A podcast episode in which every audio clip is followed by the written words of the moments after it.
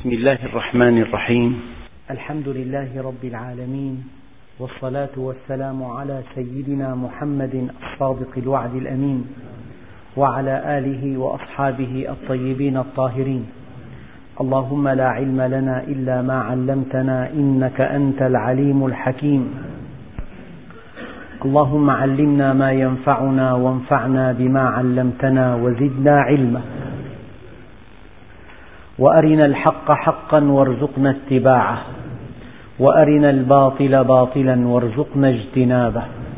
واجعلنا ممن يستمعون القول فيتبعون احسنه وادخلنا برحمتك في عبادك الصالحين ايها الاخوه الاكارم مع الدرس التاسع من سوره الاحزاب في الدرس الماضي وصلنا إلى قوله تعالى: أعوذ بالله من الشيطان الرجيم، بسم الله الرحمن الرحيم، وقرن طبعا وقرن معطوف على قوله تعالى: يا نساء النبي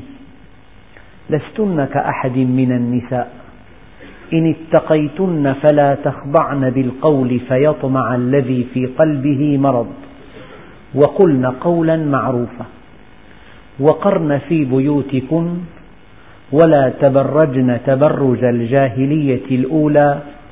وأقمن الصلاة وآتينا الزكاة وأطعنا الله ورسوله إنما يريد الله ليذهب عنكم الرجز أهل, رجز أهل البيت ويطهركم تطهيرا في الدرس الماضي بينت لكم بشكل يعني مفصل أن المرأة مساوية للرجل في شيئين في التكليف وفي التشريف وفي الوقت نفسه المرأة لها خصائص والرجل له خصائص هذا مستنبط من قوله تعالى وليس الذكر كالأنثى للمرأة وظيفة وللرجل وظيفة فكان محور الدرس الماضي أن الله سبحانه وتعالى حينما خلق الذكر والأنثى وضع للذكر والأنثى منهجا من لوازم منهج الأنثى أن يقررن في بيوتهن معنى وقرن في بيوتكن فعل أمر مضارعه يقر ماضيه وقر بمعنى ثقل واستقر الأصل في مكان استقرار المرأة بيتها، وأيما امرأة قعدت على بيت أولادها فهي معي في الجنة، والمرأة التي تهز سرير ابنها بيمناها تهز العالم بيسراها، لأنه كلما كانت اللبنة الأولى وهي الأسرة صحية متوازنة منتظمة مستقيمة كان الإنتاج خارج البيت مضاعفا فنجاح الرجل في عمله أساسه نجاحه في بيته إنتاج الرجل أساسه راحة قلبه من طرف بيته فلذلك حينما أمر الله سبحانه وتعالى الإناث أو النساء عام نساء النبي بخاصة والنساء بعامة أن يقررن في بيوتهن فلأن البيت هو مكان تربية الأولاد هو مكان العناية باللبنة الأولى ألا وهي الأسرة وهذا تم شرحه في الدرس الماضي وليس معنى وقرن في بيوتكن ألا تخرج المرأة إطلاقا من البيت يعني من رحم أمها إلى الدنيا ومن بيت أبيها إلى دار زوجها ومن دار زوجها إلى القبر هذه مقولة فيها مبالغة ليس معنى قوله تعالى وقرن في بيوتكن أن المرأة ممنوعة أن تخرج من البيت إطلاقا هناك ضرورات أباحها الشرع وهناك خروج من البيت أجازه الشرع والضرورة تقدر بقدرها والضرورة تقدر بقدرها ولا أدل على ذلك من قول ابنتي سيدنا شعيب قالتا لا نسقي حتى يصدر الرعاء وأبونا شيخ كبير يعني هناك ضرورة على كل هذا تم شرحه في الدرس الماضي وقرن في بيوتكم كما أن مكان العمل كما أن الدائرة هي المكان الطبيعي للموظف وكما أن العيادة هي المكان الطبيعي للطبيب وكما أن المكتب هو المكان الطبيعي للمحامي وكما أن المتجر هو المكان الطبيعي للتاجر وكما أن الحقل هو المكان الطبيعي للمزارع كذلك البيت الخلية الأولى اللبنة الأولى هو المكان الطبيعي للمرأة وحينما يرزق الله امرأة صالحة تحفظه إذا غاب عنها تطيعه إذا أمرها تسره إذا نظر إليها هذا تم في الدرس الماضي لكن حينما تخرج المرأة من بيتها لتزور أباها أو لتزور أمها أو حينما تخرج من بيتها لضرورة توفي زوجها وأولادها صغار فخرجت من بيتها لتشتري بعض حاجاتها وليس لها أخ يقضي لها هذه الحاجة ولا ابن في سن مؤهل أن يقضي لها هذه الحاجة حينما تخرج المرأة لواجب أو لمباح أو لمندوب شرعي يعني حينما تخرج المرأة من بيتها لسبب أقره الشرع وسمح به الآن إذا خرجت ولا تبرجن تبرج الجاهلية الأولى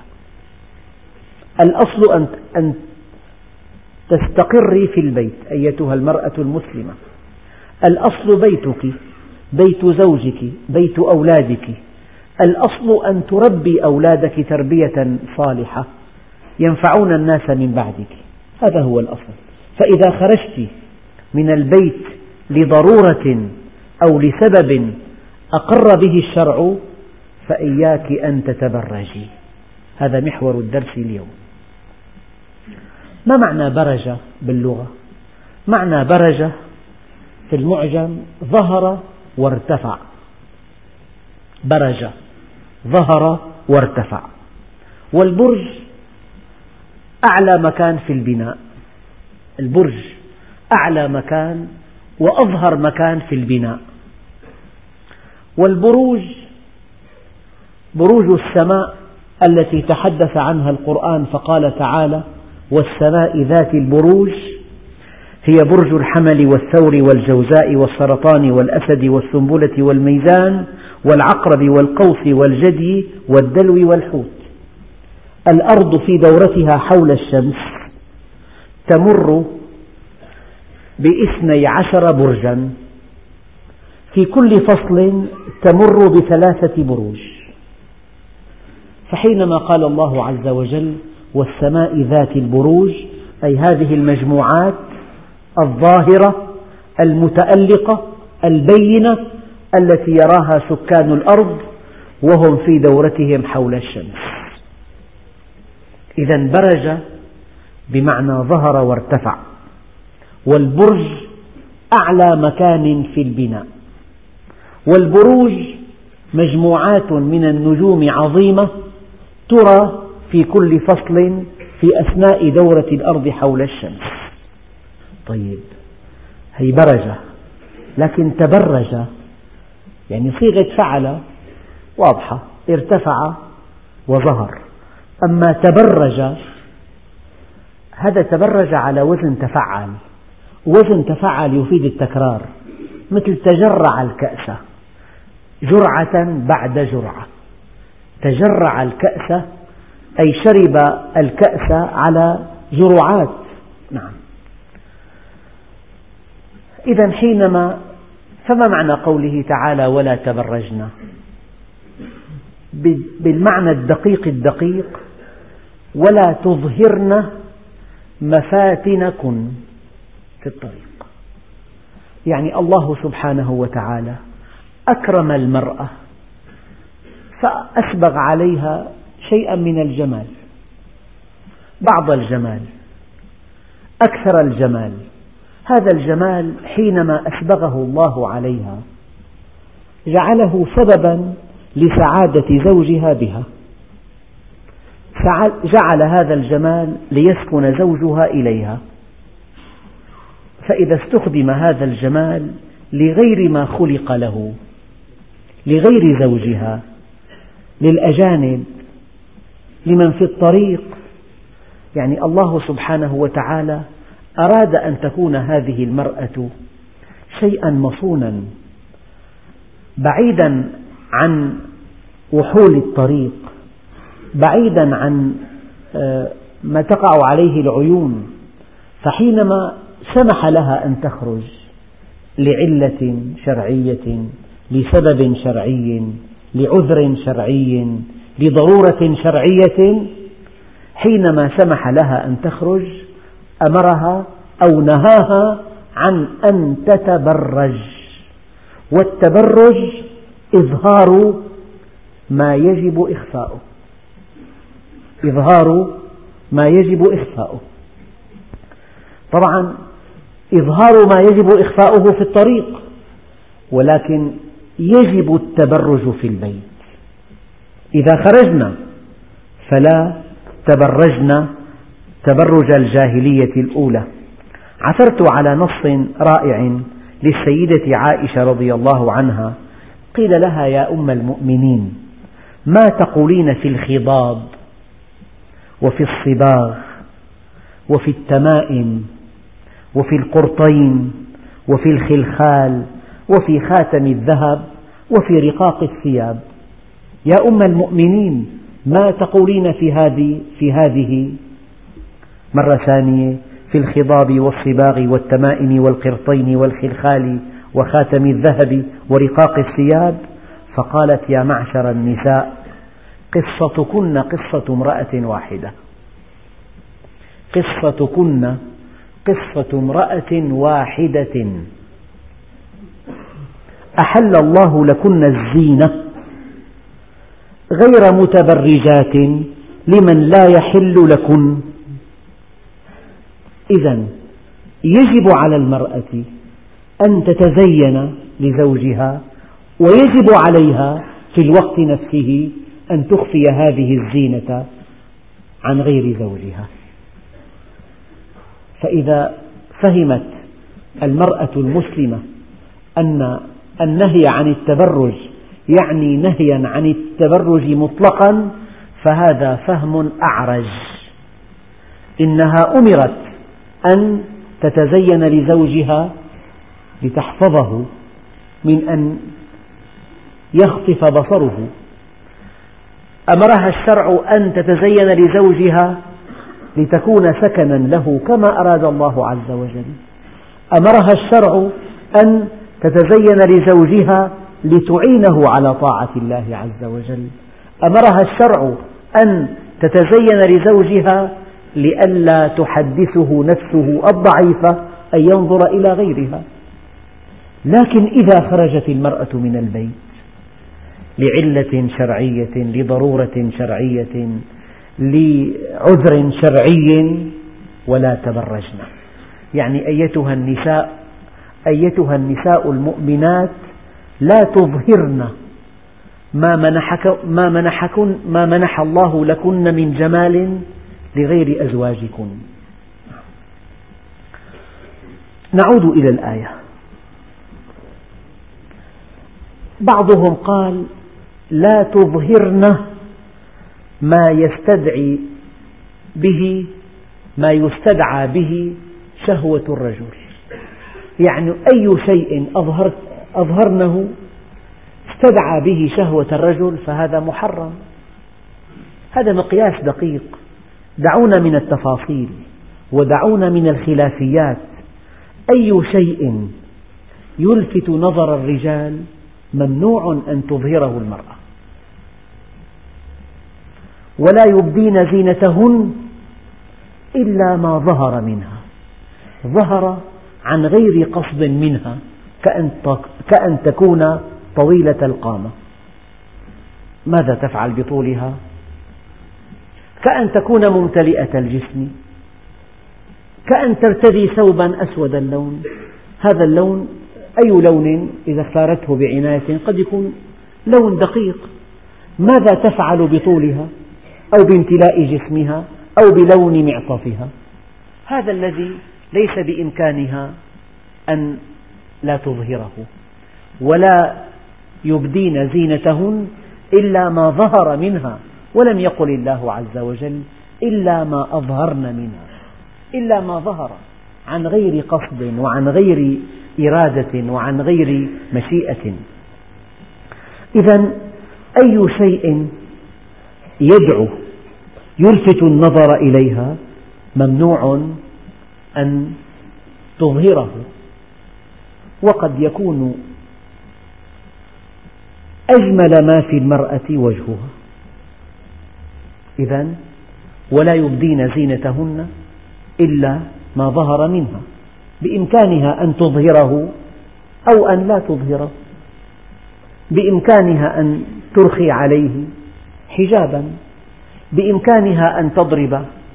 بجلبابها من رأسها على صدرها مرورا بوجهها بإمكانها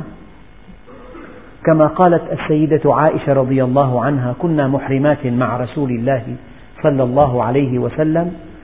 فكن فكان الركبان إذا مروا بنا أو حاذونا أسدلت إحدانا جلبابها على وجهها بهذه العبارة إذا مر بنا الركبان أو حاذونا أسدلت إحدانا جلبابها على وجهها على كل سأريكم من خلال ما ورد في التفاسير ما هي كيف كانت المرأة في الجاهلية تتبرج قال الإمام مجاهد كانت المرأة تخرج تمشي بين الرجال أن تمشي بين الرجال نوع من أنواع التبرج ألم يقل الله عز وجل في قصة سيدنا شعيب قال ما خطبكما قالتا لا نسقي حتى يصدر الرعاء وأبونا شيخ كبير يعني مزاحمة الرجال أن تسير المرأة بين الرجال هذا من التبرج هذا قاله الإمام مجاهد وقال قتادة كانت لهن مشية تكسر وتغنج لذلك ولا يضربن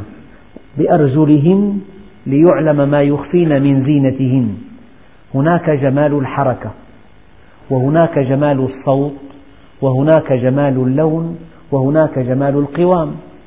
ولا تخضعن بالقول فيطمع الذي في قلبه مرض وقلن قولا معروفا المرأة منهية عن أن تتكسر في صوتها كي تلفت النظر إليها ومنهية عن أن تتحرك حركة تلفت النظر لا ولا يضربن بأرجلهن ليعلم ما يخفين من زينتهن ومنهية أن يخضعن بالقول فيطمع الذي في قلبه مرض وقلن قولا معروفا ومنهية أيضا أن تظهر, أن تظهر من أعضائها ومن خطوط جسمها ومن ملامحها ومن شكلها ومن لونها ما يلفت النظر إليها كلام واضح كالشمس من قوامها ومن خطوط جسمها ومن حجم أعضائها ومن لونها ومن شكلها ومن ملامح وجهها ما يلفت النظر إليها فالتبرج إظهار ما يجب إخفاؤه إظهار كل زينة طبيعية منحها الله للمرأة أو غير طبيعية وقال ابن حيان كانت تلقي الخمار على رأسها ولا تشده فتظهر قلائدها وقرطها ويظهر قرطها وعنقها هذا التبرج الذي كان في الجاهلية الأولى وقال ابن كثير ربما ظهرت عنقها وذوائب شعرها وأقرطة آذانها هذا الوصف الذي ورد في كتب التفاسير عن تبرج الجاهلية الأولى وسبحان الله لحكمة أرادها الله عز وجل وصف هذه الجاهلية بأنها جاهلية أولى ومن وصف الجاهلية بأنها أولى يستنبط أن هناك جاهلية ثانية ربما كانت أشد من الأولى نساء كما قال النبي عليه الصلاة والسلام كاسيات عاريات إما لأن الثوب شفاف يشف عما تحته أو لأنه ضيق يصف حجم أعضائه فهن كاسيات لكنهن عاريات مائلات مميلات فالعنوهن لأنهن ملعونات وقد قال عليه الصلاة والسلام إياكم وخضراء الدمن قالوا وما خضراء الدمن قال المرأة الحسناء في المنبت السوء إذا ولا تبرجن لا تظهرن الفتنة أو الجمال الذي أودع الله أودعه الله فيكن هذا الجمال يجب أن يظهر للزوج وأن يختفي عمن سواه أما إذا فسقت المرأة وفجرت قلبت الآية فكل جمالها في الطريق وكل جمالها للأجانب وكل أنوثتها ولطفها ورقتها لغير زوجها وكل ما يستوحش منه لزوجها هذا من من من الخروج عن منهج الله عز وجل وقرن في بيوتكن ولا تبرجن تبرج الجاهلية الأولى بعضهم قال إن للحشمة جمالا وإن للتبذل ولكشف الأعضاء جمالا لكن الإنسان كلما ارتقى يعجب بجمال الحشمة لا بجمال التبذل كلما ارتقى ذوق الإنسان يعجبه في المرأة حياؤها وحشمتها هكذا ورد في القرآن الكريم حينما قال الله عز وجل آه، قال ما خطبكما قالتا لا نسقي حتى يصدر الرعاء وأبونا شيخ كبير فسقى لهما ثم تولى إلى الظل فقال رب إني لما أنزلت إلي من خير فقير وجاءته إحداهما تمشي على استحياء قالت إن أبي يدعوك ليجزيك أجر ما سقيت لنا ما الذي لفت نظرها في سيدنا موسى قوته وأمانته عفته ما نظر إليها أطرق في الأرض فلما أراد أن يذهب إلى بيت أبيها قال سيري خلفي ودليني على الطريق وما الذي أعجبه فيها حياؤها ومن علامات قيام الساعة أنه يرتفع الحياء أنه ينزع الحياء من وجوه النساء وقحة تحد النظر إليك وترفع النخوة من رؤوس الرجال وتنزع الرحمة من قلوب الأمراء لا حياء في وجوه النساء ولا نخوة في رؤوس الرجال ولا رحمة في قلوب الأمراء وقد قال عليه الصلاة والسلام الديوث لا يدخل الجنة قيل من هو الديوث يا رسول الله قال الذي يرضى الفاحشة في أهله ولا يغار على عرضه الذي لا يغار على عرضه أو يرضى الفاحشة في أهله فهو ديوث يعني الإنسان له فطرة أنا مرة حدثني أحدهم أنه قرأ في مجلة عن امرأة تعمل في التمثيل ليست مسلمة سئلت عن شعورها وهي تبدي للناس محاسنها قالت إنه شعور الخزي والعار وهذا شعور كل أنثى تعرض مفاتنها على الناس إن الحب يجب أن يبقى بين الزوجين وفي غرف مغلقة هذا التخطيط الإلهي هذه الفطرة فلذلك عندك النقل وعندك العقل وعندك الفطرة فإذا خالفت النقل أو خالفت العقل أو خالفت الفطرة فقد ضل الإنسان سواء السبيل يعني العقل يأمره بذلك والفطرة تأمره بذلك والنقل يأمره بذلك والذوق الرفيع يأمره بذلك الآن في سؤال دقيق ما هي الجاهلية التي وصفت في القرآن الكريم ولا تبرجن تبرج الجاهلية الأولى الجاهلية استخدمت في القرآن الكريم مرتين مرة قالوا يا موسى اجعل لنا إلها كما لهم آلهة قالوا يا موسى اجعل لنا إلها كما لهم آلهة قال إنكم قوم تجهلون لا تعرفون حقيقة الألوهية لا تعرفون من ربكم ولا من إلهكم ولا من خالقكم لا تعرفون حقائق التوحيد لا تعرفون عظمة الله عز وجل إذا الجاهلية هنا بمعنى الجهل بحقائق الإيمان ومرة ثانية جاء الوصف على لسان سيدنا يوسف حينما قال رب إن لم تصرف عني كيدهن أصب إليهن وأكن من الجاهلين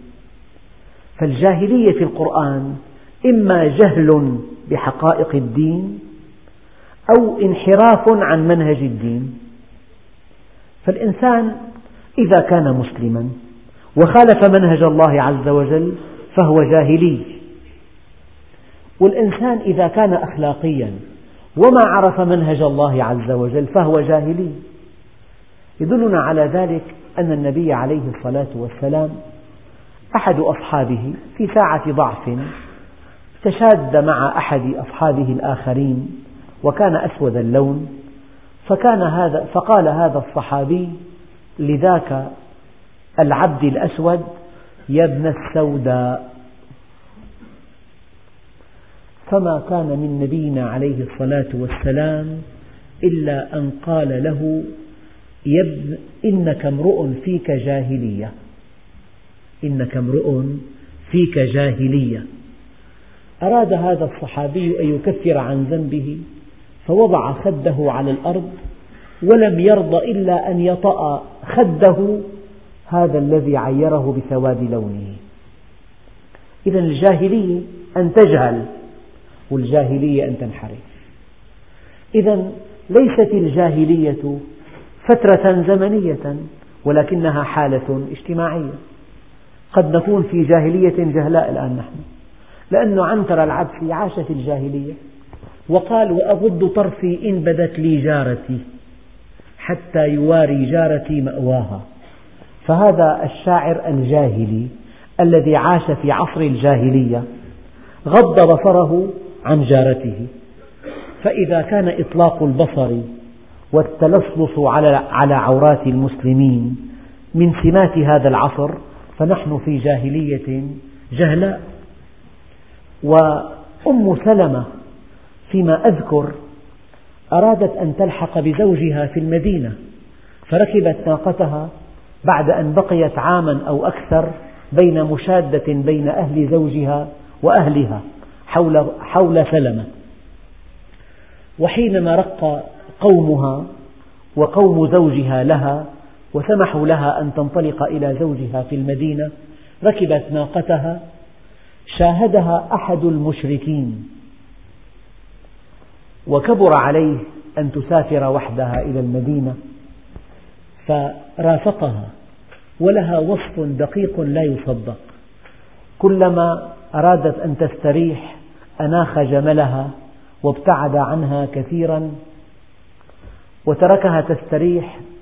فإذا حان وقت المسير عاد إليها وغض بصره وأركبها الجمل وقاده اثني عشر يوما إلى المدينة دون أن يراها هذا في الجاهلية هذا مشرك كان فلذلك الجاهلية ليست فترة زمنية بل هي حالة مرضية قد تكون في أي عصر فحينما ينطلق الناس نحو شهواتهم وحينما تخرج النساء كاسيات عاريات مائلات مميلات فنحن في جاهلية وحينما يختلط الرجال بالنساء وينشأ عن هذا الاختلاط الفتن وخراب البيوت ومشكلات الأسر هذا أيضا من الجاهلية فلذلك الموضوع خطير جدا يعني أنت كمسلم هناك منهج رسمه الله لك فإما أن تسير عليه عفوا فإما أن تعرفه فأنت مؤمن ومسلم وإما أن تجهله فأنت جاهلي الآن عرفته إما أن تسير عليه فأنت مسلم ومؤمن وإما أن تخالفه فأنت جاهلي كما قال عليه الصلاة والسلام لأحد أصحابه إنك امرؤ فيك جاهلية ولك أن تقول لكل إنسان يجهل حقائق التوحيد يجهل حقائق القرآن يفتخر بجهله إنك امرؤ فيك جاهلية وكل إنسان يعرف بعض الحقائق ويحيد عنها إنك امرؤ فيك جاهلية هذا هو الجهل إما جهل آه، من إما إما الجاهلية من جهل الحقائق وإما أن الجاهلية من عدم تطبيق الحقائق إذا وقرن في بيوتكن ولا تبرجن تبرج الجاهلية الأولى هذا نهي ومرة ثانية أقول لكم لمن يتوهم أن هذه الآية يختص بها تختص بها نساء النبي وقع في وهم كبير لأنك إذا أمرت إذا لأن الله عز وجل إذا أمر نساء النبي وهن المحصنات العفيفات الطاهرات التقيات القانتات إذا أمرهن ألا يتبرجن تبرج الجاهلية الأولى فلأن يكون الأمر موجها إلى عامة نساء المؤمنين من باب أولى والمرأة المؤمنة لا تقول مثلا أنا حينما أسير في الطريق لا يجرؤ أحد أن يخاطبني بكلمة نقول لها أيتها الأخت الكريمة إذا كان في مظهرك ما يلفت النظر إليك فقد آذيت المسلمين وأنت لا تدرين إذا كان في مظهرك ما يؤذي الشباب أو يؤذي العزاب أو يؤذي المتزوجين فقد ساهمت في خراب البيوت وأنت لا تدرين وأنت في أعلى درجات الإباء والعزة إن مظهرك هذا يؤذي المسلمين يؤذي الشباب يؤذي المحرومين يؤذي من ليس له زوجة فما هذا القول بأنك شريفة وبأنك عزيزة وبأنك صارمة وبأنك شديدة إن هذا المظهر الذي يلفت النظر إليك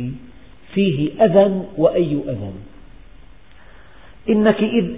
إنك إن نظر إليك شاب وتحسر أو نظر إليك متزوج وتألم فقد ساهمت في خراب بيته وأنت لا تدرين إذا المرأة المؤمنة لا تؤذي الناس بشكلها ولا بقوامها ولا بزينتها ومرة ثانية الزينة الطبيعية التي أودعها الله في المرأة والزينة المجلوبة التي تصنعها بأيديها لا هذه ولا تلك لذلك العورة قد تظهر لا بلونها ولكن بحجمها من خلال ضيق الثياب، وقد تظهر بلونها من خلال رقة الثياب، فالثياب الرقيقة والضيقة هذه لا يمكن أن تكون مباحة في الإسلام، فكل ما يبدي مفاتن المرأة منهية أن تظهره ولا تبرجن لا تظهرن البارجة غير القارب البرج أعلى ما في البناء البروج نجوم عظيمة ولا تبرجن تبرج الجاهلية أي تبرج المرأة الجاهلة التي لا تعرف قيمتها لا تعرف وظيفتها في المجتمع لا تعرف دورها الخطير لا تعرف لمن هذا الجمال ليست المرأة لا تحمل المرأة لوحة حمراء لوحتها سوداء هي لزوجها فقط لا لعامة الناس هذه التي تعطي من أنوثتها ومن حركاتها ومن صوتها ومن جمالها لكل من ينظر إليها هذه ليست امرأة خاصة لزوجها بل هي عامة إذا وقرن في بيوتكن ولا تبرجن تبرج الجاهلية الأولى وأقمنا الصلاة لعل الله سبحانه وتعالى حينما بدأ بأن, بأن يقررن في بيوتهن وأن لا يتبرجن أراد أن يبين لهن الطريق إنكن إن أقمتن الصلاة إنكن إن أقمتن الصلاة بالصلاة وبالقرب من الله عز وجل بشعور المرأة بأنها قريبة من الله عز وجل بأن الله يحبها بأن الله يرضى عنها حينما لا تؤذي عباد الله المؤمنين لعله بهذا القرب تستعين على أن تنفذ أمر الله عز وجل الإنسان دائما في عنده بحياته عوض يعني مثلا بيقولوا أنه عملية البيع لا تتم إلا بحالة نفسية عملية الشراء وعملية البيع لا تتمان إلا بحالة نفسية يعني أنت كشاري لا يمكن أن تشتري هذا الكتاب إلا إذا رأيته أثمن من مالك من ثمنه قال لك حقه عشرين ليرة ما لم ترى أن قيمة الكتاب أثمن من عشرين لا ينعقد البيع والبائع لا يمكن أن يبيع الكتاب إلا إذا شعر أن ثمنه أغلى منه هذه المرأة التي تقبل أن تتحجب وأن تطبق شرع الله عز وجل وأن تستقر في البيت وأن تبتعد عن كل زينة تلفت النظر ما الذي يعينها على ذلك؟ أن تتصل بالله عز وجل إذا ذاقت حلاوة القرب إذا ذاقت معنى أن يرضى خالق الكون عنها إذا ذاقت أن الله يحبها ويحب أمثالها وأن الله راض عنها إذا ذاقت هذه المرأة طعم القرب طبقت أمر الله بقضه وقضيبه من ألفه إلى يائه إذا وقرن في بيوتكن ولا تبرجن الآية دقيقة جدا يعني تبرجن في بيوتكن فإذا خرجتن من بيوتكن لعذر شرعي ولا تبرجن في الطريق لأن هذا الجمال لأزواجكن لا لعامة الناس وقرن في بيوتكن ولا تبرجن تبرج الجاهلية الأولى وأقمن الصلاة وآتينا الزكاة وأطعنا الله ورسوله قال بعض العلماء وآتينا الزكاة هنا بمعنى تصدقنا الصدقة النافلة يعني المرأة لا تخلو أن يكون لها مال فلا بد من أن تتصدق من مالها على الفقراء والمساكين على امرأة ضعيفة على امرأة أرملة على امرأة مسكينة على طفل يتيم هذا معنى الزكاة باعتبار المرأة يعني إذا ملكت النصاب عليها الزكاة قولا واحدا تجب عليها الزكاة لكن يغلب على المرأة أن نفقتها على زوجها فإذا أمرت بالزكاة فأغلب الظن أن هذه الآية موجهة إلى الصدقة النافلة وأقمنا الصلاة وآتينا الزكاة وأطعنا الله ورسوله هذا من عطف العام على الخاص يعني المرأة المسلمة لا تخرج عن منهج الله أبدا لا تحيد عن شرع الله أبدا لا في حركتها ولا في صوتها ولا في مظهرها ولا في ثيابها ولا في طاعة زوجها ولا في رعاية أولادها اعلمي أيتها المرأة وأعلمي من دونك من النساء أن حسن تبعل المرأة زوجها يعدل الجهاد في سبيل الله وأقمنا الصلاة وآتينا الزكاة وأطعنا الله ورسوله في كل شيء يعني حتى في علاقتها بزوجها حتى في تربيتها لأولادها حتى في علاقتها بأهلها وأطعنا الله ورسوله حتى في خروجها حتى في ثيابها حتى في حجابها حتى في ترك العطر في الطريق حتى في عدم الخروج من البيت من دون إذن الزوج على المرأة المسلمة أن تتقصى أوامر الله عز وجل وأوامر النبي عليه الصلاة والسلام فيما يخصها أي وأطعنا الله ورسوله هذا من عطف العام على الخاص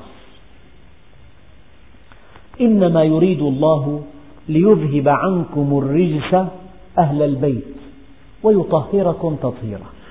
في بها الآية معنى دقيق جدا وجليل هو أن البيت بيت نكرة إذا قلت البيت أي الكعبة البيت الحرام في الأرض بيت واحد هو البيت بيت الحرام هذه الأل أل العهد تقول مثلا أنت في دائرة فيها 200 موظف فيها مدير فكل ما قلت المدير حضر وغاب والمدير أصدر قرار كلمة المدير بهالدائرة تعني مدير هالدائرة هي قال العهد ولأن بيت الله الحرام بيت واحد في الأرض لذلك ورد ذكره معرفا بأل بأل العهد نعم. أما هنا شيء جديد أهل بيت النبي نساؤه هم أهل البيت إذا بيت النبي شيء مقدس جدا لأن, الناس لو رأوا النبي في أعلى درجة ولم يروا نساءه في المستوى اللائق بهن تتزلزل نفوسهم يختل توازنهم مو معقول تفصل إنسان عن بيته هذه زوجته لم لا تكون على وضع مقبول هؤلاء أولاده هؤلاء بناته فإذا دعا الإنسان إلى الله عز وجل فلينتبه إلى البيت لأن, لأن خللا في البيت يضعف الدعوة إلى الله عز وجل فإذا ربنا عز وجل في عليائه خالق السماوات والأرض قال إنما يريد الله ليذهب عنكم الرجس التفلت من أوامر الشرع إظهار الزينة أن يضربن بأرجلهن ليعلم ما يخفين من زينتهن هذا رجس نجس يعني ولا تخضعن بالقول فيطمع الذي في قلبه مرض هذا نجس رجس نجس وقلن قولا معروفا عدم إظهار الزينة إظهار الزينة لغير الزوج هذا رجس يعني ربنا عز وجل كي ينفرنا من هذا الانحراف سماه شيء نجس يعني أن تظهر المرأة فاتنة أو أن تعرض مفاتنها على الناس أو أن تتساهل في حجابها أو أن لا تكون دقيقة في في إخفاء آه، زينتها إن هذا العمل سماه الله في القرآن الكريم رجسا إنما يريد الله ليذهب عنكم الرجس أهل البيت يعني الله عز وجل تولى في عليائه تطهير أهل بيت النبي وتأديبهن وفي معنى آخر أن هذا البيت بيت النبي مقدس جدا لو لم يكن في مستوى الرسالة لاضطرب الناس لشك الناس في هذه الدعوة فأية امرأة تلوذ فالمرأة التي تلوذ بالنبي إذا انحرفت سببت الأتباع اضطرابا وزلزلة وقلقا وشكا وطعنا فلذلك أهل بيت النبي يجب أن يكونوا في المستوى اللائق بالنبي لذلك تولى الله بنفسه تأديبهم تولى الله بنفسه تأديبهم وقياسا على هذا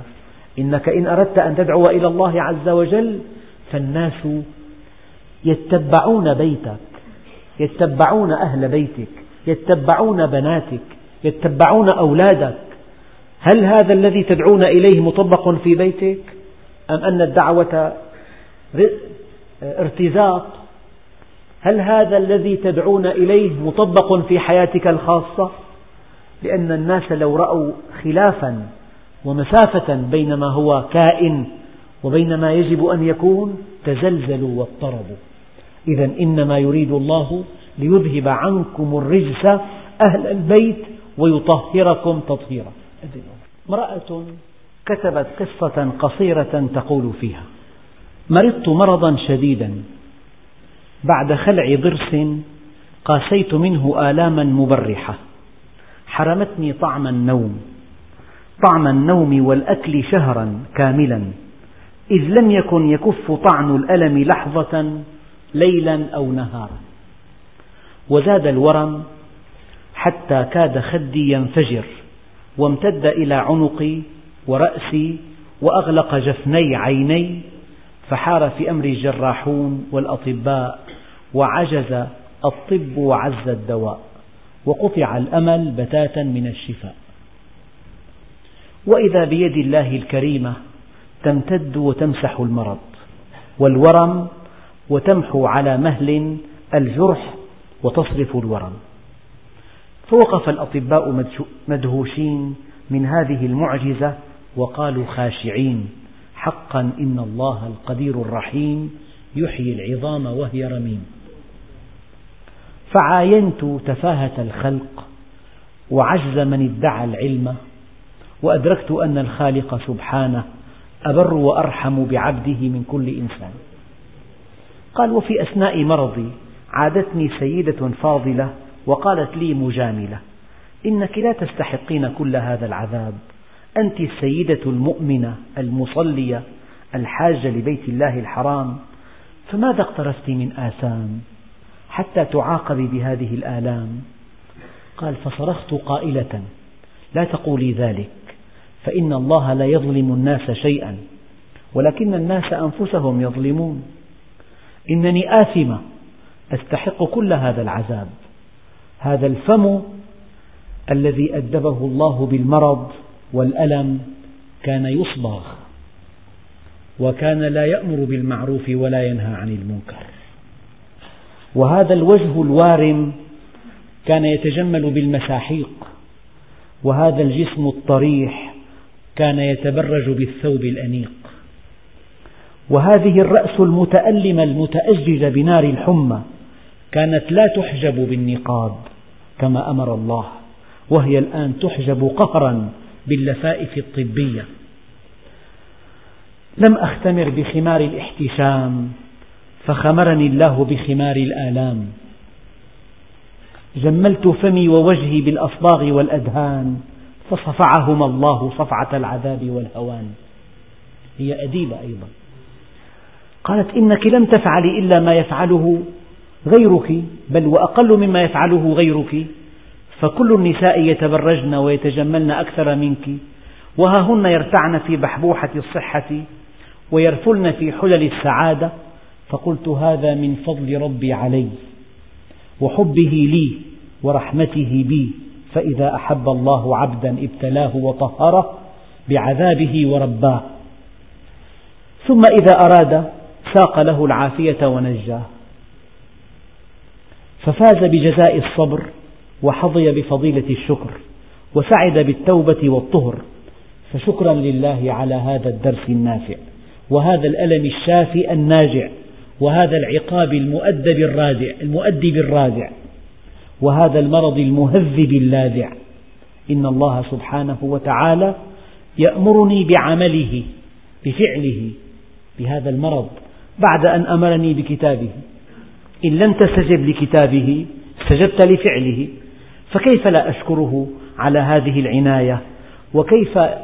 لا أطيع من يرعاني هذه الرعاية وهكذا شفيت من مرضي ضعيفة الجسم قوية الإرادة ضعيفة الهوى قوية الصبر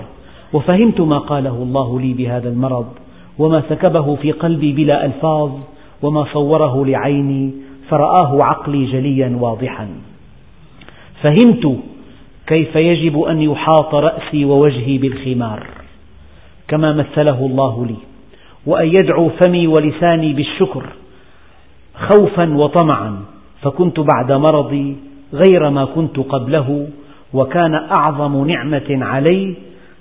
جعلتني أقهر هوى نفسي وصبرت يومي وأصبحت أغنى وأقنى من أمس هذا درس يعني هذا الوجه هذا الجمال الذي منحه الله للمرأة إن لم يحجب بالنقاب ربما حجب بلفائف باللفائف الطبية والله أعرف امرأة سمعت عن امرأة متبذلة تعادي كل امرأة تضع الحجاب تعاديها وتكيد لها وتوقع بها الأذى أصاب رأسها مرض عضال فاضطرت لحلق شعرها كله وأشار عليها الطبيب أن تضع الحجاب ليتسرع شفاء المرض فتوسلت إليه أن تضع الباروكة قال لا لا الحجاب ضروري الباروكة تؤذي الجلد فرأتها امرأة وقد تنقبت بالحجاب لم تصدق لكنه ليس حجاب الإيمان ولكن حجاب المرض فالمرأة إذا أذت عباد الله بشكلها وزينتها وحركتها وصوتها إن كانت مؤمنة وإن كان فيها بقية من يقين وعقيدة ربما ساق الله لها من الآلام ما يردعها وهذه قصة واقعية هذه المرأة التي أصابها مرض شديد وحينما تابت إلى الله عز وجل عاد إليها شفاؤها وثقتها بالله عز وجل. في الدرس القادم أرجو الله سبحانه وتعالى أن نفسر قوله تعالى: واذكرن ما يتلى في بيوتكن من آيات الله والحكمة إن الله كان لطيفا خبيرا إن المسلمين والمسلمات إلى آخر الآيات والحمد لله رب العالمين الرحمن الرحيم الحمد لله رب العالمين آه. والصلاة والسلام على سيدنا محمد الصادق الوعد الأمين اللهم أغننا بالعلم وزينا بالحلم وأكرمنا بالتقوى وجملنا بالعافية وطهر قلوبنا من النفاق وأعمالنا من الرياء وألسنتنا من الكذب وأعيننا من الخيانة فإنك تعلم خائنة الأعين وما تخفي الصدور اللهم اجعل جمعنا هذا جمعا مباركا مرحوما واجعل تفرقنا من بعده تفرقا معصوما ولا تجعل فينا شقيا ولا محروما وصلى الله على سيدنا محمد النبي الأمي وعلى آله وصحبه وسلم والحمد لله رب العالمين الفاتحة